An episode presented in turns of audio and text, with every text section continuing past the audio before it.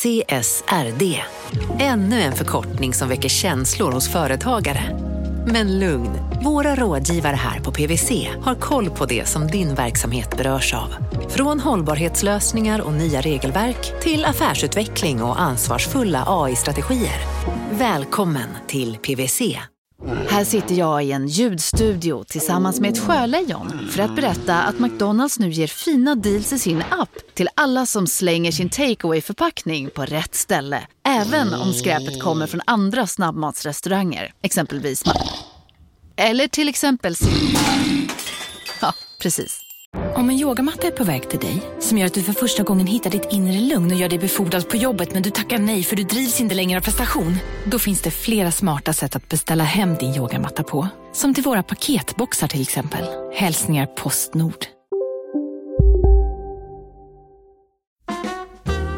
Från Monopol Media, det här är Kapitalet. Jag heter Åsa Secker. Och jag heter Gunnar Harjus.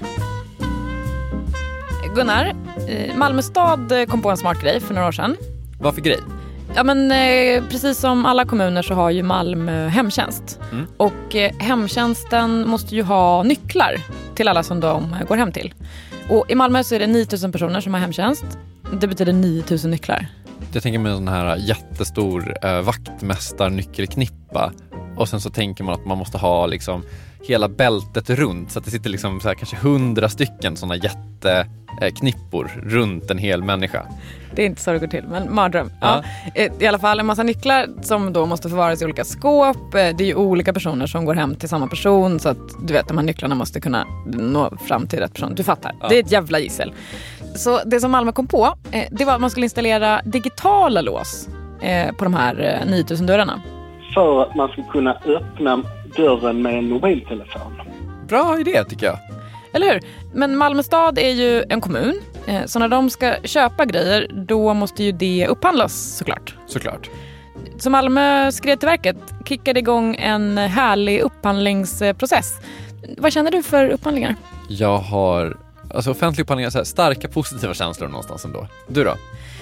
nej men jag känner så här, jag känner två saker. Ett, det handlar om så mycket pengar. Alltså det handlar om 700 miljarder om året. Det är 20 procent av Sveriges BNP. Alltså superviktigt att det blir rätt. Två, det verkar så himla svårt att göra rätt. Alltså det blir, man kan få en känsla av att det blir fel lika ofta som det blir rätt. Alltså det verkar så svårt. Det är knepigt att upphandla. Det är knepigt och det tar tid. Det är en lång process. Det, det blev inte bra. Vi kom ju inte i mål med projektet. Nej, det blev inte så bra. De kom inte i mål. Så i kapitalet idag, vad var det som gick snett när Malmö skulle göra något smart? Och vad säger det om offentliga upphandlingar? Sveriges kanske viktigaste inköpsform efter det här.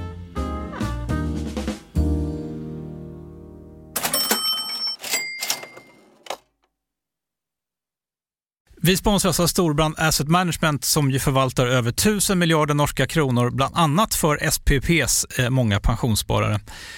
För två år sedan så investerade Storbrand i drygt 60 tåg, alltså tågvagnar, eh, som rullar mellan London och Skottland. De leasar sedan de här tågvagnarna till tågoperatören som alltså kör tågen och säljer biljetter och sånt eh, med ett avtal på 27 år. Så britterna får nya fina tåg och storbrandskunder, eh, däribland alltså SPPs pensionssparare, får en inflationsskyddad avkastning med låga risker under lång tid. Det här är ett av supermånga exempel på hur pensionskapitalet i växande omfattning bidrar till att bygga samhället och inte minst till att klara klimatmålen. Det behövs elproduktion, elnät, batteriparker, nya transportlösningar och allt möjligt. Bara i Europa antas investeringsbehovet för att klara klimatmålen uppgå till tusentals miljarder dollar. Och det här är ju pengar som ganska ofta saknas i statsbudgetarna. Däremot är det här pengar som pensionsbolagen kan vara med eh, och stoppa in, vilket ger pensionsspararna en fin avkastning under lång tid samtidigt som man är med och ställer om samhället. Vi har gjort ett helt avsnitt om det här eh, som man kan lyssna på. Det publiceras här i Kapitalet i mitten av maj. Ratta gärna in det om ni vill lära er mer om hur det här funkar. Men tack säger vi till Storbrand Asset Management som ju investerar i alla tänkbara tillgångslag, bland annat för pensionsbolaget SPP. Och tillsammans försöker ju vi, Storbrand och SPP, öka medvetenheten om hur pensionerna funkar och vilken roll pensionerna spelar i samhället och i ekonomin.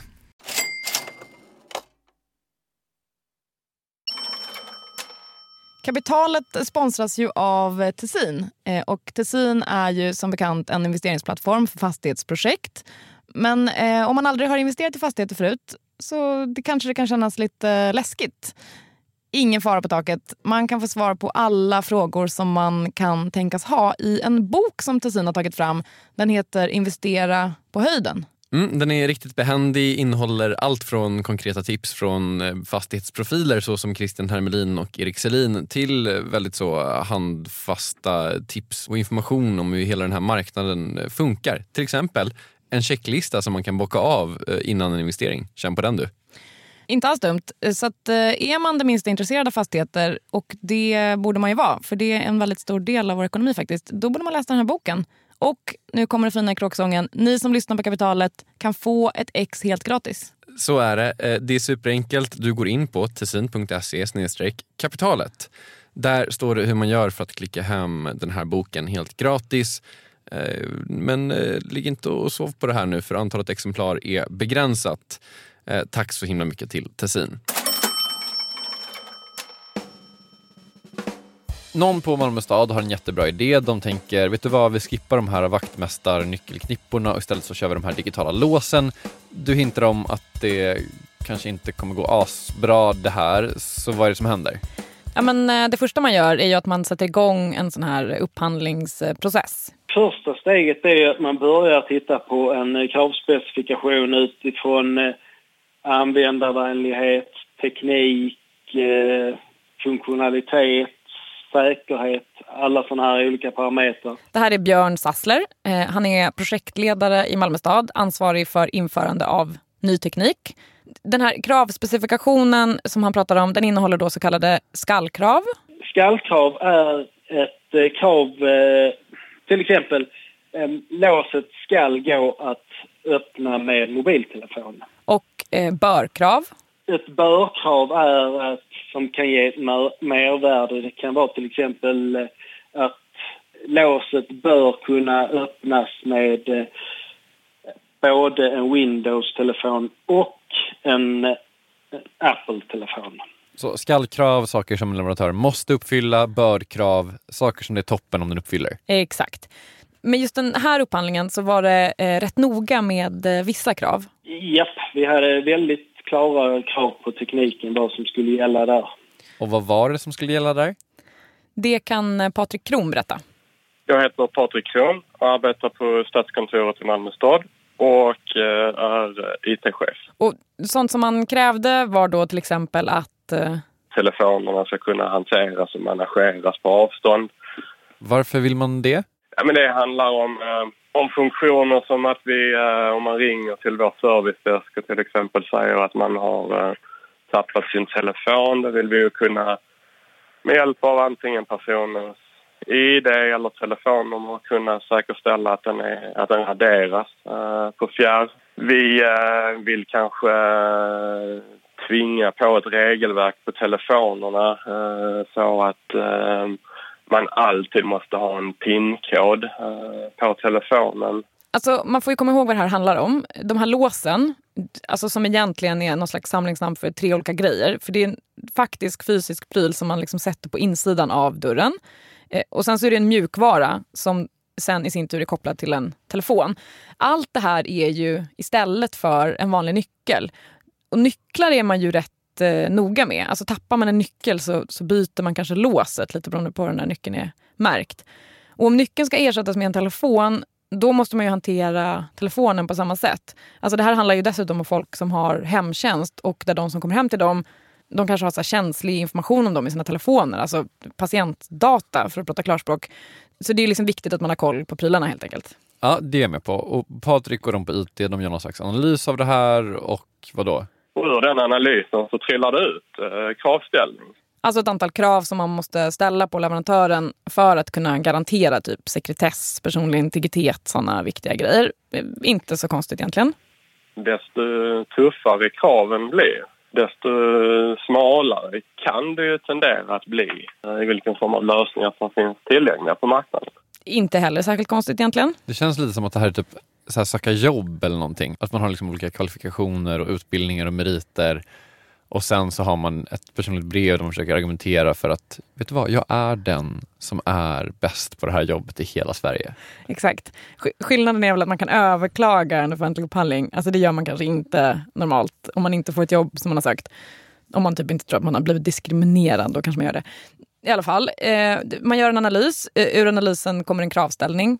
Resultatet var väl egentligen att eh, i den här tidsperioden, och vi pratade väl typ 2000, 2013, 14 när de här underlagen skrevs, Patrik minns lite fel här faktiskt. Det var, det var lite senare, det var 2015. så var det Windows-telefoner som hade den typen av eh, funktionalitet som eh, motsvarade kravställningen. Windows-telefonen ändå, det var inte igår man hörde talas om den. Nej, det var inte det. Och jag känner lite så här, det är inte varje dag man får chansen att så här åka rutschkana ner för Windows telefon memory lane. Så jag tycker, vi, tycker, vi gör det, vi gör en kort utvikning. 2007, Microsoft lanserar sitt eh, första mobila operativsystem. Det heter Windows Mobile 6.0. Ty, förlåt, får jag säga att det är typiskt Windows att döpa det till något sånt där? Varför börjar du på 6,0? Kan du inte heta Windows Mobile 1? Det finns säkert förklaringar som jag inte har eh, tagit reda på. Ja. Eh, det här är ju samma år som första iPhonen kommer. Man tänker ju så här i efterhand att Windows låg fett efter. Men de var ändå på banan där i starten. Augusti 2010, tre år senare, eh, då är Microsofts eh, mobila operativsystem eh, det femte mest populära för smartphone. Då hade de 5% av smartphone-marknaden i världen. Vilket jag tänker är jätte, jättelite. Men det tänker jag bara för att det är Microsoft som borde ha 50% av allt som har med data att göra, tänker jag. Men grejen är att 5% är ju egentligen ganska mycket. Verkligen. 2011 så bestämmer sig Microsoft för att eh, de också vill liksom bygga egna telefoner. Så de slår sina påsar ihop med Nokia. Connecting people. So clearly, Nokia is facing challenging and very dynamic times right now. Så den 11 februari 2011 kliver Nokias VD Steven Elop upp på scenen i London och citerar Winston Churchill. Types of things. We are here in London, and something that Winston Churchill once said feels very appropriate today. He said, and I quote, A pessimist sees the difficulty in every opportunity, but an optimist sees the opportunity in every difficulty. The entire technology industry is founded on this sense of optimism, and I am an optimist. So today, I'm excited to announce that Nokia and Microsoft intend to enter into a strategic alliance subject to the completion of a definitive agreement. Att vi chilla lite med storslagenheten här. Det är också lite smärtsamt att lyssna på det här nu när man vet hur långt den här optimismen egentligen kommer räcka. Inte jättelångt svaret på det. Men alltså om man tänker tillbaka lite på det här med Nokia mobiltelefoner. Alltså Nokia var ju synonymt med mobil ganska länge. Alltså Ja. min första telefon var Nokia, min andra telefon var Nokia. Ja, min första telefon var också en Nokia. En 5110. Känn på den. Jag kom aldrig så långt. 3310 dock. Jag dör för den. Ja. Och Nokia hade ju verkligen en storhetstid. Alltså det är inte bara som man inbillar sig. 2007 så hade de alltså 41 procent av mobiltelefonmarknaden. 41 procent. Det är så sjukt mycket. Det går liksom inte att föreställa sig idag att ett märke skulle ha så stor andel. Okej, två år senare efter den här strategiska alliansen så bestämmer sig Microsoft för att så här, äh, vi, vi köper Nokias mobiltillverkning. Vi gör det bara. Eh, 7,6 miljarder dollar hostade de för den. Eh, och eh, sen kommer det liksom ett gäng versioner av operativsystemet. Det kommer ut olika telefoner. Hösten 2015 eh, så trycker de liksom plattan i mattan och lanserar Lumia 950. Let me introduce you to the Lumia 950 family. Med operativsystemet Windows 10 Mobile. Because we want to make them as productive as possible, because we want to bring Windows 10 to life in your pocket. That's the whole goal. And that's what the Lumia team has done. It is just phenomenal technology. Jag minns inte det här överhuvudtaget. Det kanske säger någonting. Jag vet inte. Alltså, för att citera Bill Gates. Det här är ju en så här winner takes it all-marknad ganska mycket. Och i maj 2016 så har Windows mobila operativsystem mindre än 1% av marknaden. Det är inte så mycket. Man skulle kunna tänka här att det är kört va? Det skulle man kunna tänka. Och så här 2019 så är Bill Gates själv rätt öppen med att det här var ju ett enormt misslyckande för Microsoft. You know, the greatest mistake ever uh, is the whatever mismanagement I engaged in that caused Microsoft not to be what Android is. That is, Android is the standard phone platform, non Apple phone, platform. That was a natural thing for Microsoft to win. Exakt ingen har väl missat att Microsoft alltså inte vann den där kampen. Det gjorde Android-telefonerna. Inte med Lumia 950, inte med Windows 10 Mobile. Så känner man ju i alla fall väldigt starkt idag. Eh, 2015 så var det lite annat ljud i skällan i alla fall i Malmö. För någon gång under 2015 så har man alltså gjort olika analyser, man har skrivit olika kravspecifikationer och kommit fram till att det finns inte supermånga leverantörer som eh, lever upp till allt det här. Eller det finns väl i princip en, om du frågar Björn Sassler. I detta fallet var det väldigt eh, strikta krav kring eh, vilken typ av eh, mobiltelefoni och operativsystem som kunde användas. Och I detta fallet så var det Windows 10 Mobile. Så här med tidslinjen för Windows 10 Mobile, hyfsat färskt i huvudet i alla fall, så känns det som att det här var kanske inte ett supergenidrag att satsa på Windows 10 Mobile runt 2015, 2016 någonting. Nej, det, det, var väl inte det. Eh, Malmö stad lade alltså ut sitt förfrågningsunderlag som man då lägger ut för att begära in olika anbud i början av 2016. Eh, I mars det året så väljer de en leverantör. Men då begär en av de andra leverantörerna en överprövning. Vi ska komma tillbaka till det där med överprövningar. Det betyder i alla fall att det här eh, tilldelningsbeslutet, som det så fint heter, ska prövas i förvaltningsrätten. Men vi fick bifall i rätten och fick då fortsätta med den tilldelade leverantören vi hade fått. Så inte förrän i juli 2016 så, så tecknar de ett avtal med en leverantör. Och man kan säga att liksom det är då de verkligen bestämmer sig för att vet du vad, det vi ska köpa är Windows-telefoner med Windows 10 Mobile som operativsystem och det ska vi använda för att låsa upp de här dörrarna. Exakt, sommaren 2016. Vi, vi har valt en leverantör och ska sätta igång och börjar då med jobba med införandet och eh, det är ju där då som eh, vi börjar få de första signalerna där under hösten att eh, Microsoft eh, verkar inte vilja tillverka våra telefoner längre. På våren 2016 så lägger Microsoft ner Nokia-fabrikerna i Finland. Jag tror man sparkar typ 1300 pers. Men här ska man hålla isär telefontillverkningen och operativsystemet. För operativsystemet är liksom fortfarande alive kicking vid den här tidpunkten. Men att Microsoft lägger ner fabriker är såklart inte toppen. Eh, så Malmö ringer till Microsoft för att kolla hur oroliga de bör vara. Deras avsikt var då att eh, göra, eller sätta upp nya fabriker i USA för att eh, starta tillverkning av nya telefoner där. Okej, och hur lugn kändes egentligen Björn efter det här beskedet då? Ja, det, det, det var väl inte helt lugnt, nej. Bara så alla är med här. Avtalet är alltså skrivet.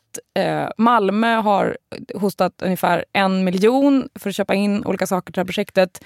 Man har börjat planera för att installera de här låsen och det blev ett antal lås uppskruvade. Men sen tar det liksom stopp? Sen kommer projektet aldrig riktigt vidare. Man eh, försöker starta men sen eh, blir det ohållbart eftersom man inte får tag på telefon. Nej, eh, man får inte tag i några telefoner, i alla fall inte de telefonerna som man hade tänkt använda. För de tillverkas inte längre helt enkelt. Sen i oktober 2017, alltså ett år senare, så kommer liksom de sista dödsryckningarna från Windows telefonsatsning när en högt uppsatt Microsoft-chef går ut på Twitter och liksom för första gången offentligt erkänner det här projektet är dött. Vi kommer inte fortsätta utveckla grejer till det här eh, mobila operativsystemet. Och det blir liksom sista spiken i kistan det blir ju speci väldigt speciellt då. Det är inte, man har inte så stor påverkan även om vi då är Sveriges tredje största stad. Det kan man ju nästan gissa. Malmö må vara Sveriges tredje största stad. Microsoft är väl typ världens största företag, give or take, lite grann. Man känner ju att det inte jättemånga kamper mot Microsoft som Malmö kommer vinna. Eh, jag skulle säga så här, eh, Microsoft vinner väl Malmö exakt alla dagar i veckan. Det vore sjukt i och för sig om Malmö bara så här, vet du vad, nu har ni lovat oss de här telefonerna och Microsoft bara, absolut, vi fortsätter med utvecklingen. Tills så länge de här låsen sitter på dörrarna så kommer vi fortsätta att ta fram nya operativsystem, nya uppdateringar, nya telefoner. Kapitalet sponsras av Master Exchange, plattformen där du som privatperson kan investera i låtar och får pengar varje gång de här låtarna spelas. Eh, vi berättade ju senast eh, om barnlåten Puff the Magic Dragon som noterades av Master Exchange under våren. Nu har utdelningen på den låten kommit, eller royaltyn som vi säger i musikbranschen. Eh, den ligger på drygt 12% i årstakt och det här är ju en avkastning som är helt okorrelerad till eh, börsen. Till och med Goldman Sachs har börjat skriva om just musik som investering eh, just ur det här perspektivet. Nu finns en möjlighet att investera i en ny låt. Eh, låten heter Boss Bitch och den är av Doja Cat som, alltså jag ska inte säga att jag är superdeep här men det är ändå en, en, person som jag vet om det är. En, en världskändis. Den här låten gav baserad på förra årets spelningar en avkastning på drygt 13% Master Exchange har just nu en väntelista på registreringar. Det, det, går lite för bra för dem kan man säga. Men skriver ni in kapitalet som promo code så kan ni runda kön och ansöka om andelar i låten Boss Bitch ändå. Om ni investerar helt vanliga pengar, det är inget krypto eller sånt där, så vill du investera i musik och få en avkastning som är helt okorrelerad med börsen och kanske inte minst för att det är kul att äga låtar, eh, så kan man gå in på masterexchange.com och använda kapitalet som promo code så går man alltså förbi kön. Kom ihåg dock att alla investeringar är förenade med risk, men vi säger stort, stort tack till Master Exchange. Kapitalet sponsras av Karla, Jakob. Ja, bilar igen. Ja, det är eh, härligt. På Karla kan man sälja sin elbil eh, på det gissningsvis smidigaste sättet i Sverige. Eh, Karla har ju ett nästan ett komiskt högt användarbetyg på Trustpilot. Mm. 4,8 av 5, vilket jag typ aldrig hört talas om. Nej, det är väldigt, väldigt högt. Eh, man knappar in lite info om bilen på sidan, sen får man en gratis värdering och ett bud. Accepterar du budet kommer Karla och hämtar upp bilen gratis och sätter in pengarna innan de kör iväg. Inget mer än så. Rätt fantastiskt. Nej, det är faktiskt ja. helt otroligt. Och eh, det kan bli ännu mer eh, otroligt än så. Eh, för att vi har nämligen en rabattkod som ger dig 2000 kronor extra för bilen. Så om du säljer din bil så får du två lax extra. Stämmer. Bara sådär. Eh, koden är Monopol och eh, den uppger du när du har värderat bilen och eh, pratat med Karlas inköpare. Koden är giltig till sista maj så att passa på om du går i säljartankar. Jag undrar om vi haft en kod som har gett två lax bara sådär någon gång. Nej. Det är helt otroligt. Man behöver en bil förvisso. Absolut, så det är inte, kanske inte bara sådär, men det är ändå 2000 kronor extra. Väldigt bra. Ja.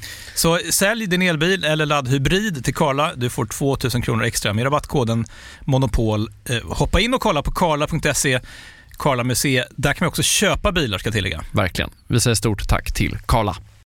Om så ändå vore fallet. Det ska inte sluta riktigt så lyckligt för Malmö. Eh, när Microsoft kastar in handduken så har Malmö liksom inte så mycket att säga till om. Vi kan ju ana att det inte kommer att gå som planerat med hela det här låsprojektet. Men jag tänker så här. Alltså det kanske inte bara är Malmös fel att de inte gick i mål med det här. Alltså det verkar ändå rätt svårt det här med upphandlingar det finns ju fler exempel på upphandlingar som inte har gått precis som man har tänkt sig. Jag tänker på till exempel Strumpgate, som du kanske minns? Mm. Karolinska slash Stockholms lands, landsting köpte strumpor för vad var det? Var det 6 000 kronor paret? 6 000 kronor paret. ja. Eh, det var inte deras ursprungliga idé med den strumpupphandlingen tror jag. Och frågan blir ju då, handlar det här om folk som är eh, ganska kassa på sina jobb? Eh, eller kan det vara så att det faktiskt är sjukt svårt att upphandla även om man verkligen försöker göra allting rätt? Min gissning är att det kanske är, finns ett, ett mellanting här. Förmodligen. Men man kan ju ändå fråga sig, måste det vara så svårt? Nej. Kan man göra någonting åt det? det kan man absolut göra. Vad det är som är så himla svårt och hur man skulle kunna göra det lite mindre svårt efter det här.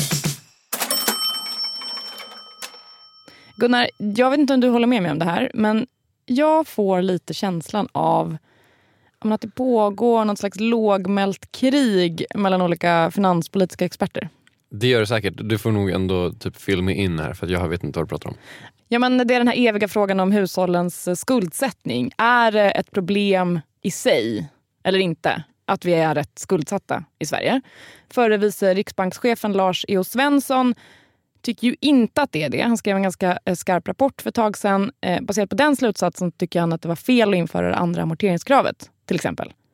Men bostads och finansmarknadsministern Per Bolund, han håller inte med Lars E.O. Svensson. Jag eh, lutar mig mot den expertisen som vi har både på Finansinspektionen och på eh, Finansdepartementet som ändå säger att skuldsättningar skuldsättning i sig är en riskfaktor egentligen oavsett vad man, vad man använder pengarna till som man lånar. Vill man höra hela Per Bolunds svar på Lars E.O. Svenssons kritik och höra honom prata om massa annat så kan man lyssna på det senaste avsnittet av Fastighetsprofilerna. Eh, det är en podd som vi gör i samarbete med Tessin och vi träffar de intressantaste personerna från fastighetsvärlden. Och nu hörni så har vi fått träffa självaste bostadsministern alltså. Den podden finns där man eh, brukar hitta poddar. Tack till Tessin. Kort recap. Malmö stad har misslyckats kapitalt med att upphandla ett gäng smarta digitala lås ehm, för att de ställde en massa säkerhetskrav och det gjorde att det bara fanns en leverantör som dög. Den leverantören hette Windows 10 Mobile och den finns inte längre. Typ så. Eh, men det här med offentliga upphandlingar, man blir inte superpigg bara av att prata om det här. Det här är, är, är vi liksom, rör vi oss i det absolut tråkigaste territoriet av, av ekonomin just nu? Det, det var precis exakt eh, det jag sa till eh, Åsa Edman. Det är helt eh, på- uppe på läktaren här. Eh, jo, men det är faktiskt jättekul. Och så är jag ledsen att säga det till dig, men du kan inte gå fri på gatan som en vanlig person, utan du borde spärras in. Okej, vem är Åsa Edman? Hon är chefsjurist på något som heter SKL Commentus. De upphandlar massa stora ramavtal, de hjälper kommuner med upphandlingar och inköp. Man kan säga så här, Åsa Edman kan det här med offentliga upphandlingar. Och hon tycker att det är för krångligt och att det skulle kunna gå att göra enklare. Men jag tänker att vi kan börja så här. Åsa, varför har vi offentliga upphandlingar? Ja, men det handlar helt enkelt om att vi ska få mm, mesta, bästa möjliga pang för pengarna kan man säga. Någonstans hindrar det då, kan man tänka sig, eh, tjänstemän och folkvalda att bara ge olika tjänster till sina kompisar. Ja, men så är det. Och det där brukar ju kallas för eh, vänskapskorruption, trist grej. Det förekommer såklart i Sverige ändå, men det kanske är ett ännu större problem i typ Italien? Det sägs ju så här att maffian förlorar sitt eh, fäste över den, den irländska, irländska, ja de kanske har maffia där också, men italienska eh, byggindustrin på grund av upphandlingsregelverket. Upphandlingsregelverket i Sverige är ju framförallt eh, lagen om offentlig upphandling. LOU. Den har vi haft länge. Den gjordes om rätt mycket när vi skulle gå med i EU för att det ska vara samma som gäller i hela unionen, är det tänkt? Och innan dess var det hur? Det var en förordning som gällde för statliga myndigheter och sen så var det någon typ av vad ska man säga, typ frivilligt reglemente som gäller för kommuner och landsting. Och det är nog många som sneglar tillbaka till den tiden och tänker att det där var ju gud i behaglighet. Man känner ju att det är bra att man inte får det här frivilliga spelrummet. Så kul ska vi faktiskt inte ha det. Nej, verkligen inte. Eh, nu kommer vi till eh, olika problem. Det är ju inte bara Björn Schassler på Malmö som tycker att Det är knepigt att upphandla. det, det är liksom bara att googla så förstår man att eh, typ alla som har med offentlig upphandling att göra verkar tycka att det är eh, ganska knepigt. Mm, nu har vi ägnat otroligt lång tid åt att säga att det här kanske är svårt. Vad är det som är svårt då? Ja, men jag tänker att det blir tydligare om man, om man tar ett exempel. Eh, så eh, säg en kommun, Borås kommun. Borås. Okej. Nu har jag gått in på en, en hemsida där eh, alla som eh, ska upphandla grejer måste ladda upp sina annonser. Och eh, Borås kommun har, nu ska vi se, oj, en, två, tre, fyra, fem, sex, sju, åtta grejer ute på upphandling. Gång och cykelbana. Bra. Bra, bra kul för dem. Är det någonting rörande Bibliotekshögskolan? Nej. Nej. Solceller, Borås simmarena. Taget. Kul. Vi klickar på den. Okej, då kan man kolla här då på eh, underlaget. Och då finns det, nu ska vi se, en, två, tre, fyra, fem, sex, sju, åtta, nio olika härliga länkar man kan trycka på om olika sippade dokumentmappar. Eh, Okej, om jag bara öppnar en av dem här. Hur många sidor är det här ens? Men du vet, jag, jag scrollar och jag scrollar och det tar aldrig slut. Okej, den första, det första lilla dokumentet var 38 sidor. 38 sidor och det är en del av nio olika sådana mappar. Exakt. LOL. Du förstår ju vad jobbigt det är att fylla i de här förfrågningsunderlagen. Alltså det är en mardröm. En mardröm att ta fram sådana här också tänker jag. Verkligen. Sen visst, alltså de som gör det här är inte som du och jag, liksom har aldrig tittat på ett sånt här underlag förut. De jobbar ju med det. Men ändå, alltså den som påstår att det här är lätt ljuger. Men säg att man ändå har lyckats så här, fylla i alla de här eh, dokumenten. Eh, man har liksom lyckats tillhandahålla all den här informationen som beställaren vill ha, i det här fallet Borås kommun. Och så kanske man har suttit i typ ett par veckor, man har lagt ner ganska mycket tid och energi. Då kommer nästa prövning. Du kan jobba jättemycket på anbud. Det kan kosta liksom flera hundratusen att ta fram ett anbud. Ja, hundra kanske, jag vet inte. Men det kostar mycket pengar. Man kanske jobbar liksom två, tre veckor på, på det och flera stycken involverade. Och så sen skickar man in det och så har man glömt att skicka med någon bilaga eller något bevis eller någonting som, som vi har sagt att uppfyller ni det här kravet, bevisa, skicka med bevis på det. Och så har de glömt, de skriver, skriver ja, vi uppfyller det kravet, men så har de inte skickat med beviset. Kan man inte bara skicka in det då? Nej, det var ju just det. Det får man inte. Beställaren, eh, typ Borås kommun då, får inte heller komplettera. För det kan ju vara så att det här är information som typ finns på någon hemsida eller det finns hos någon myndighet och den är ganska lätt att få tag i. Nej, nej, inga kompletteringar får göras. Varför får hon inte komplettera? Ja, men det kan man fråga sig.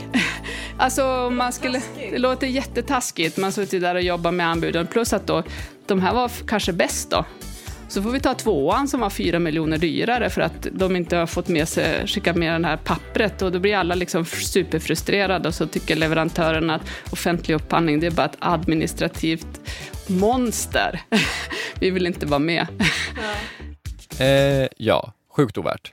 Eller hur? Jag skulle aldrig frivilligt försöka vinna en upphandling. Men grejen är ju att eh, det finns en massa pengar att tjäna. Alltså upphandlingarna i Sverige, det är 700 miljarder kronor om året. Det är typ 20 procent av BNP. Jag tror inom hela EU så är det liksom 16 procent av hela BNP. Ja, men det är en himla massa pengar. Okej, men säg att man vinner det här då, vad händer då? Ja, men då väntar nästa potentiella problem.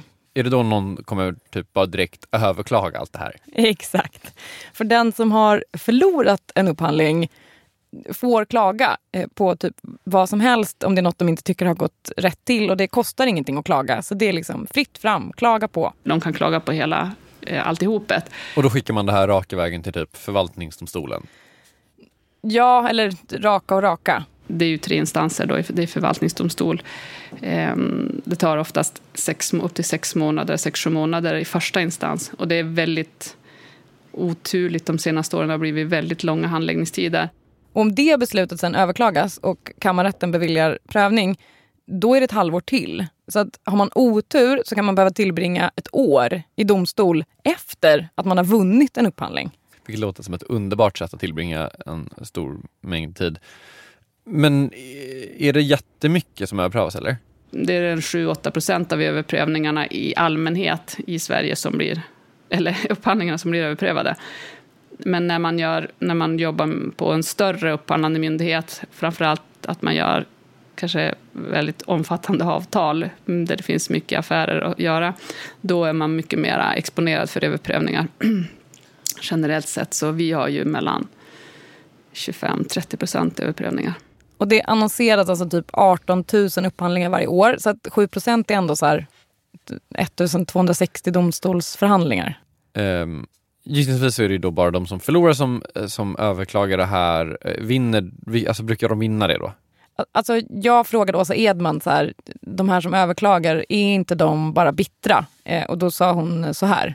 Jag vill säga så här att eh, om vi har mellan 25 och 30 procent av våra upphandlingar blir överprövade så vinner vi 100 procent av överprövningarna.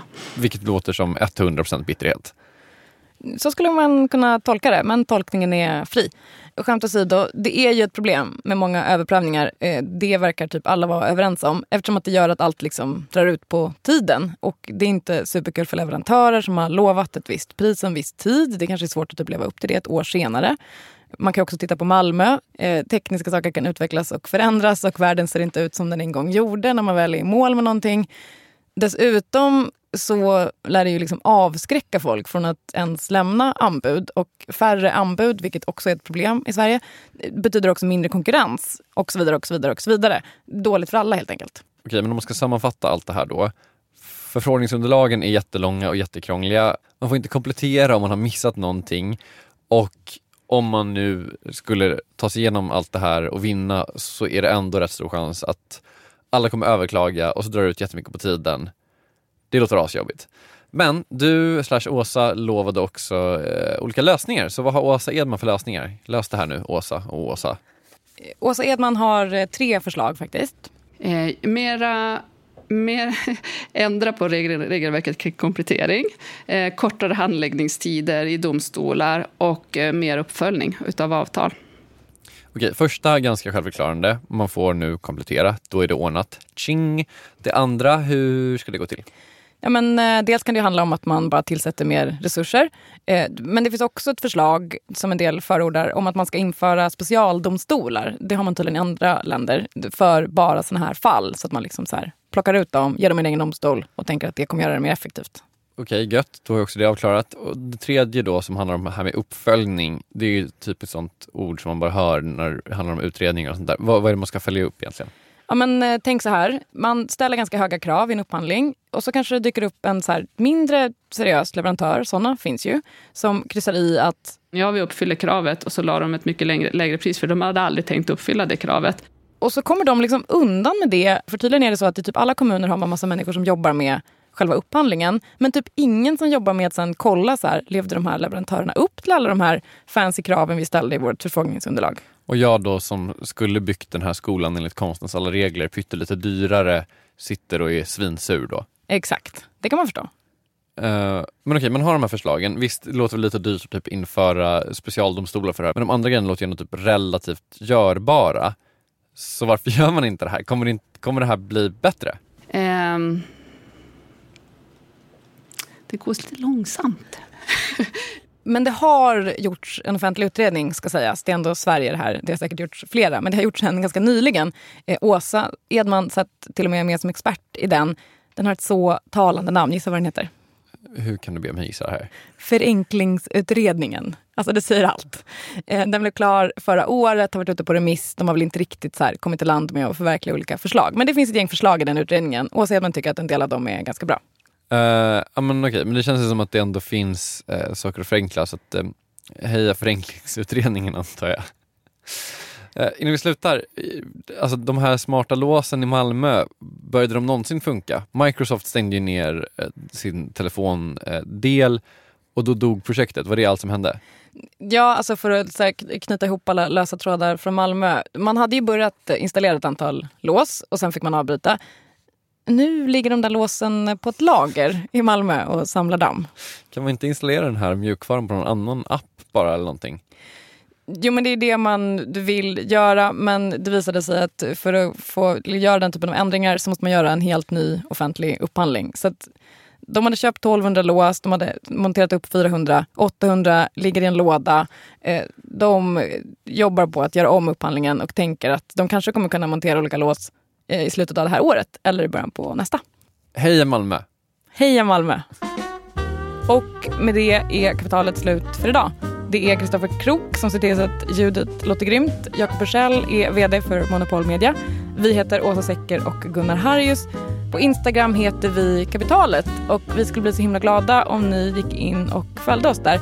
Vi tänker att vi ska nå tusen följare innan semestern och vi är så nära. Eh, kapitalet är tillbaka om en vecka för Kapitalet kommer ut varje måndag, även hela sommaren. Missa inte det. Hej då! Hej då!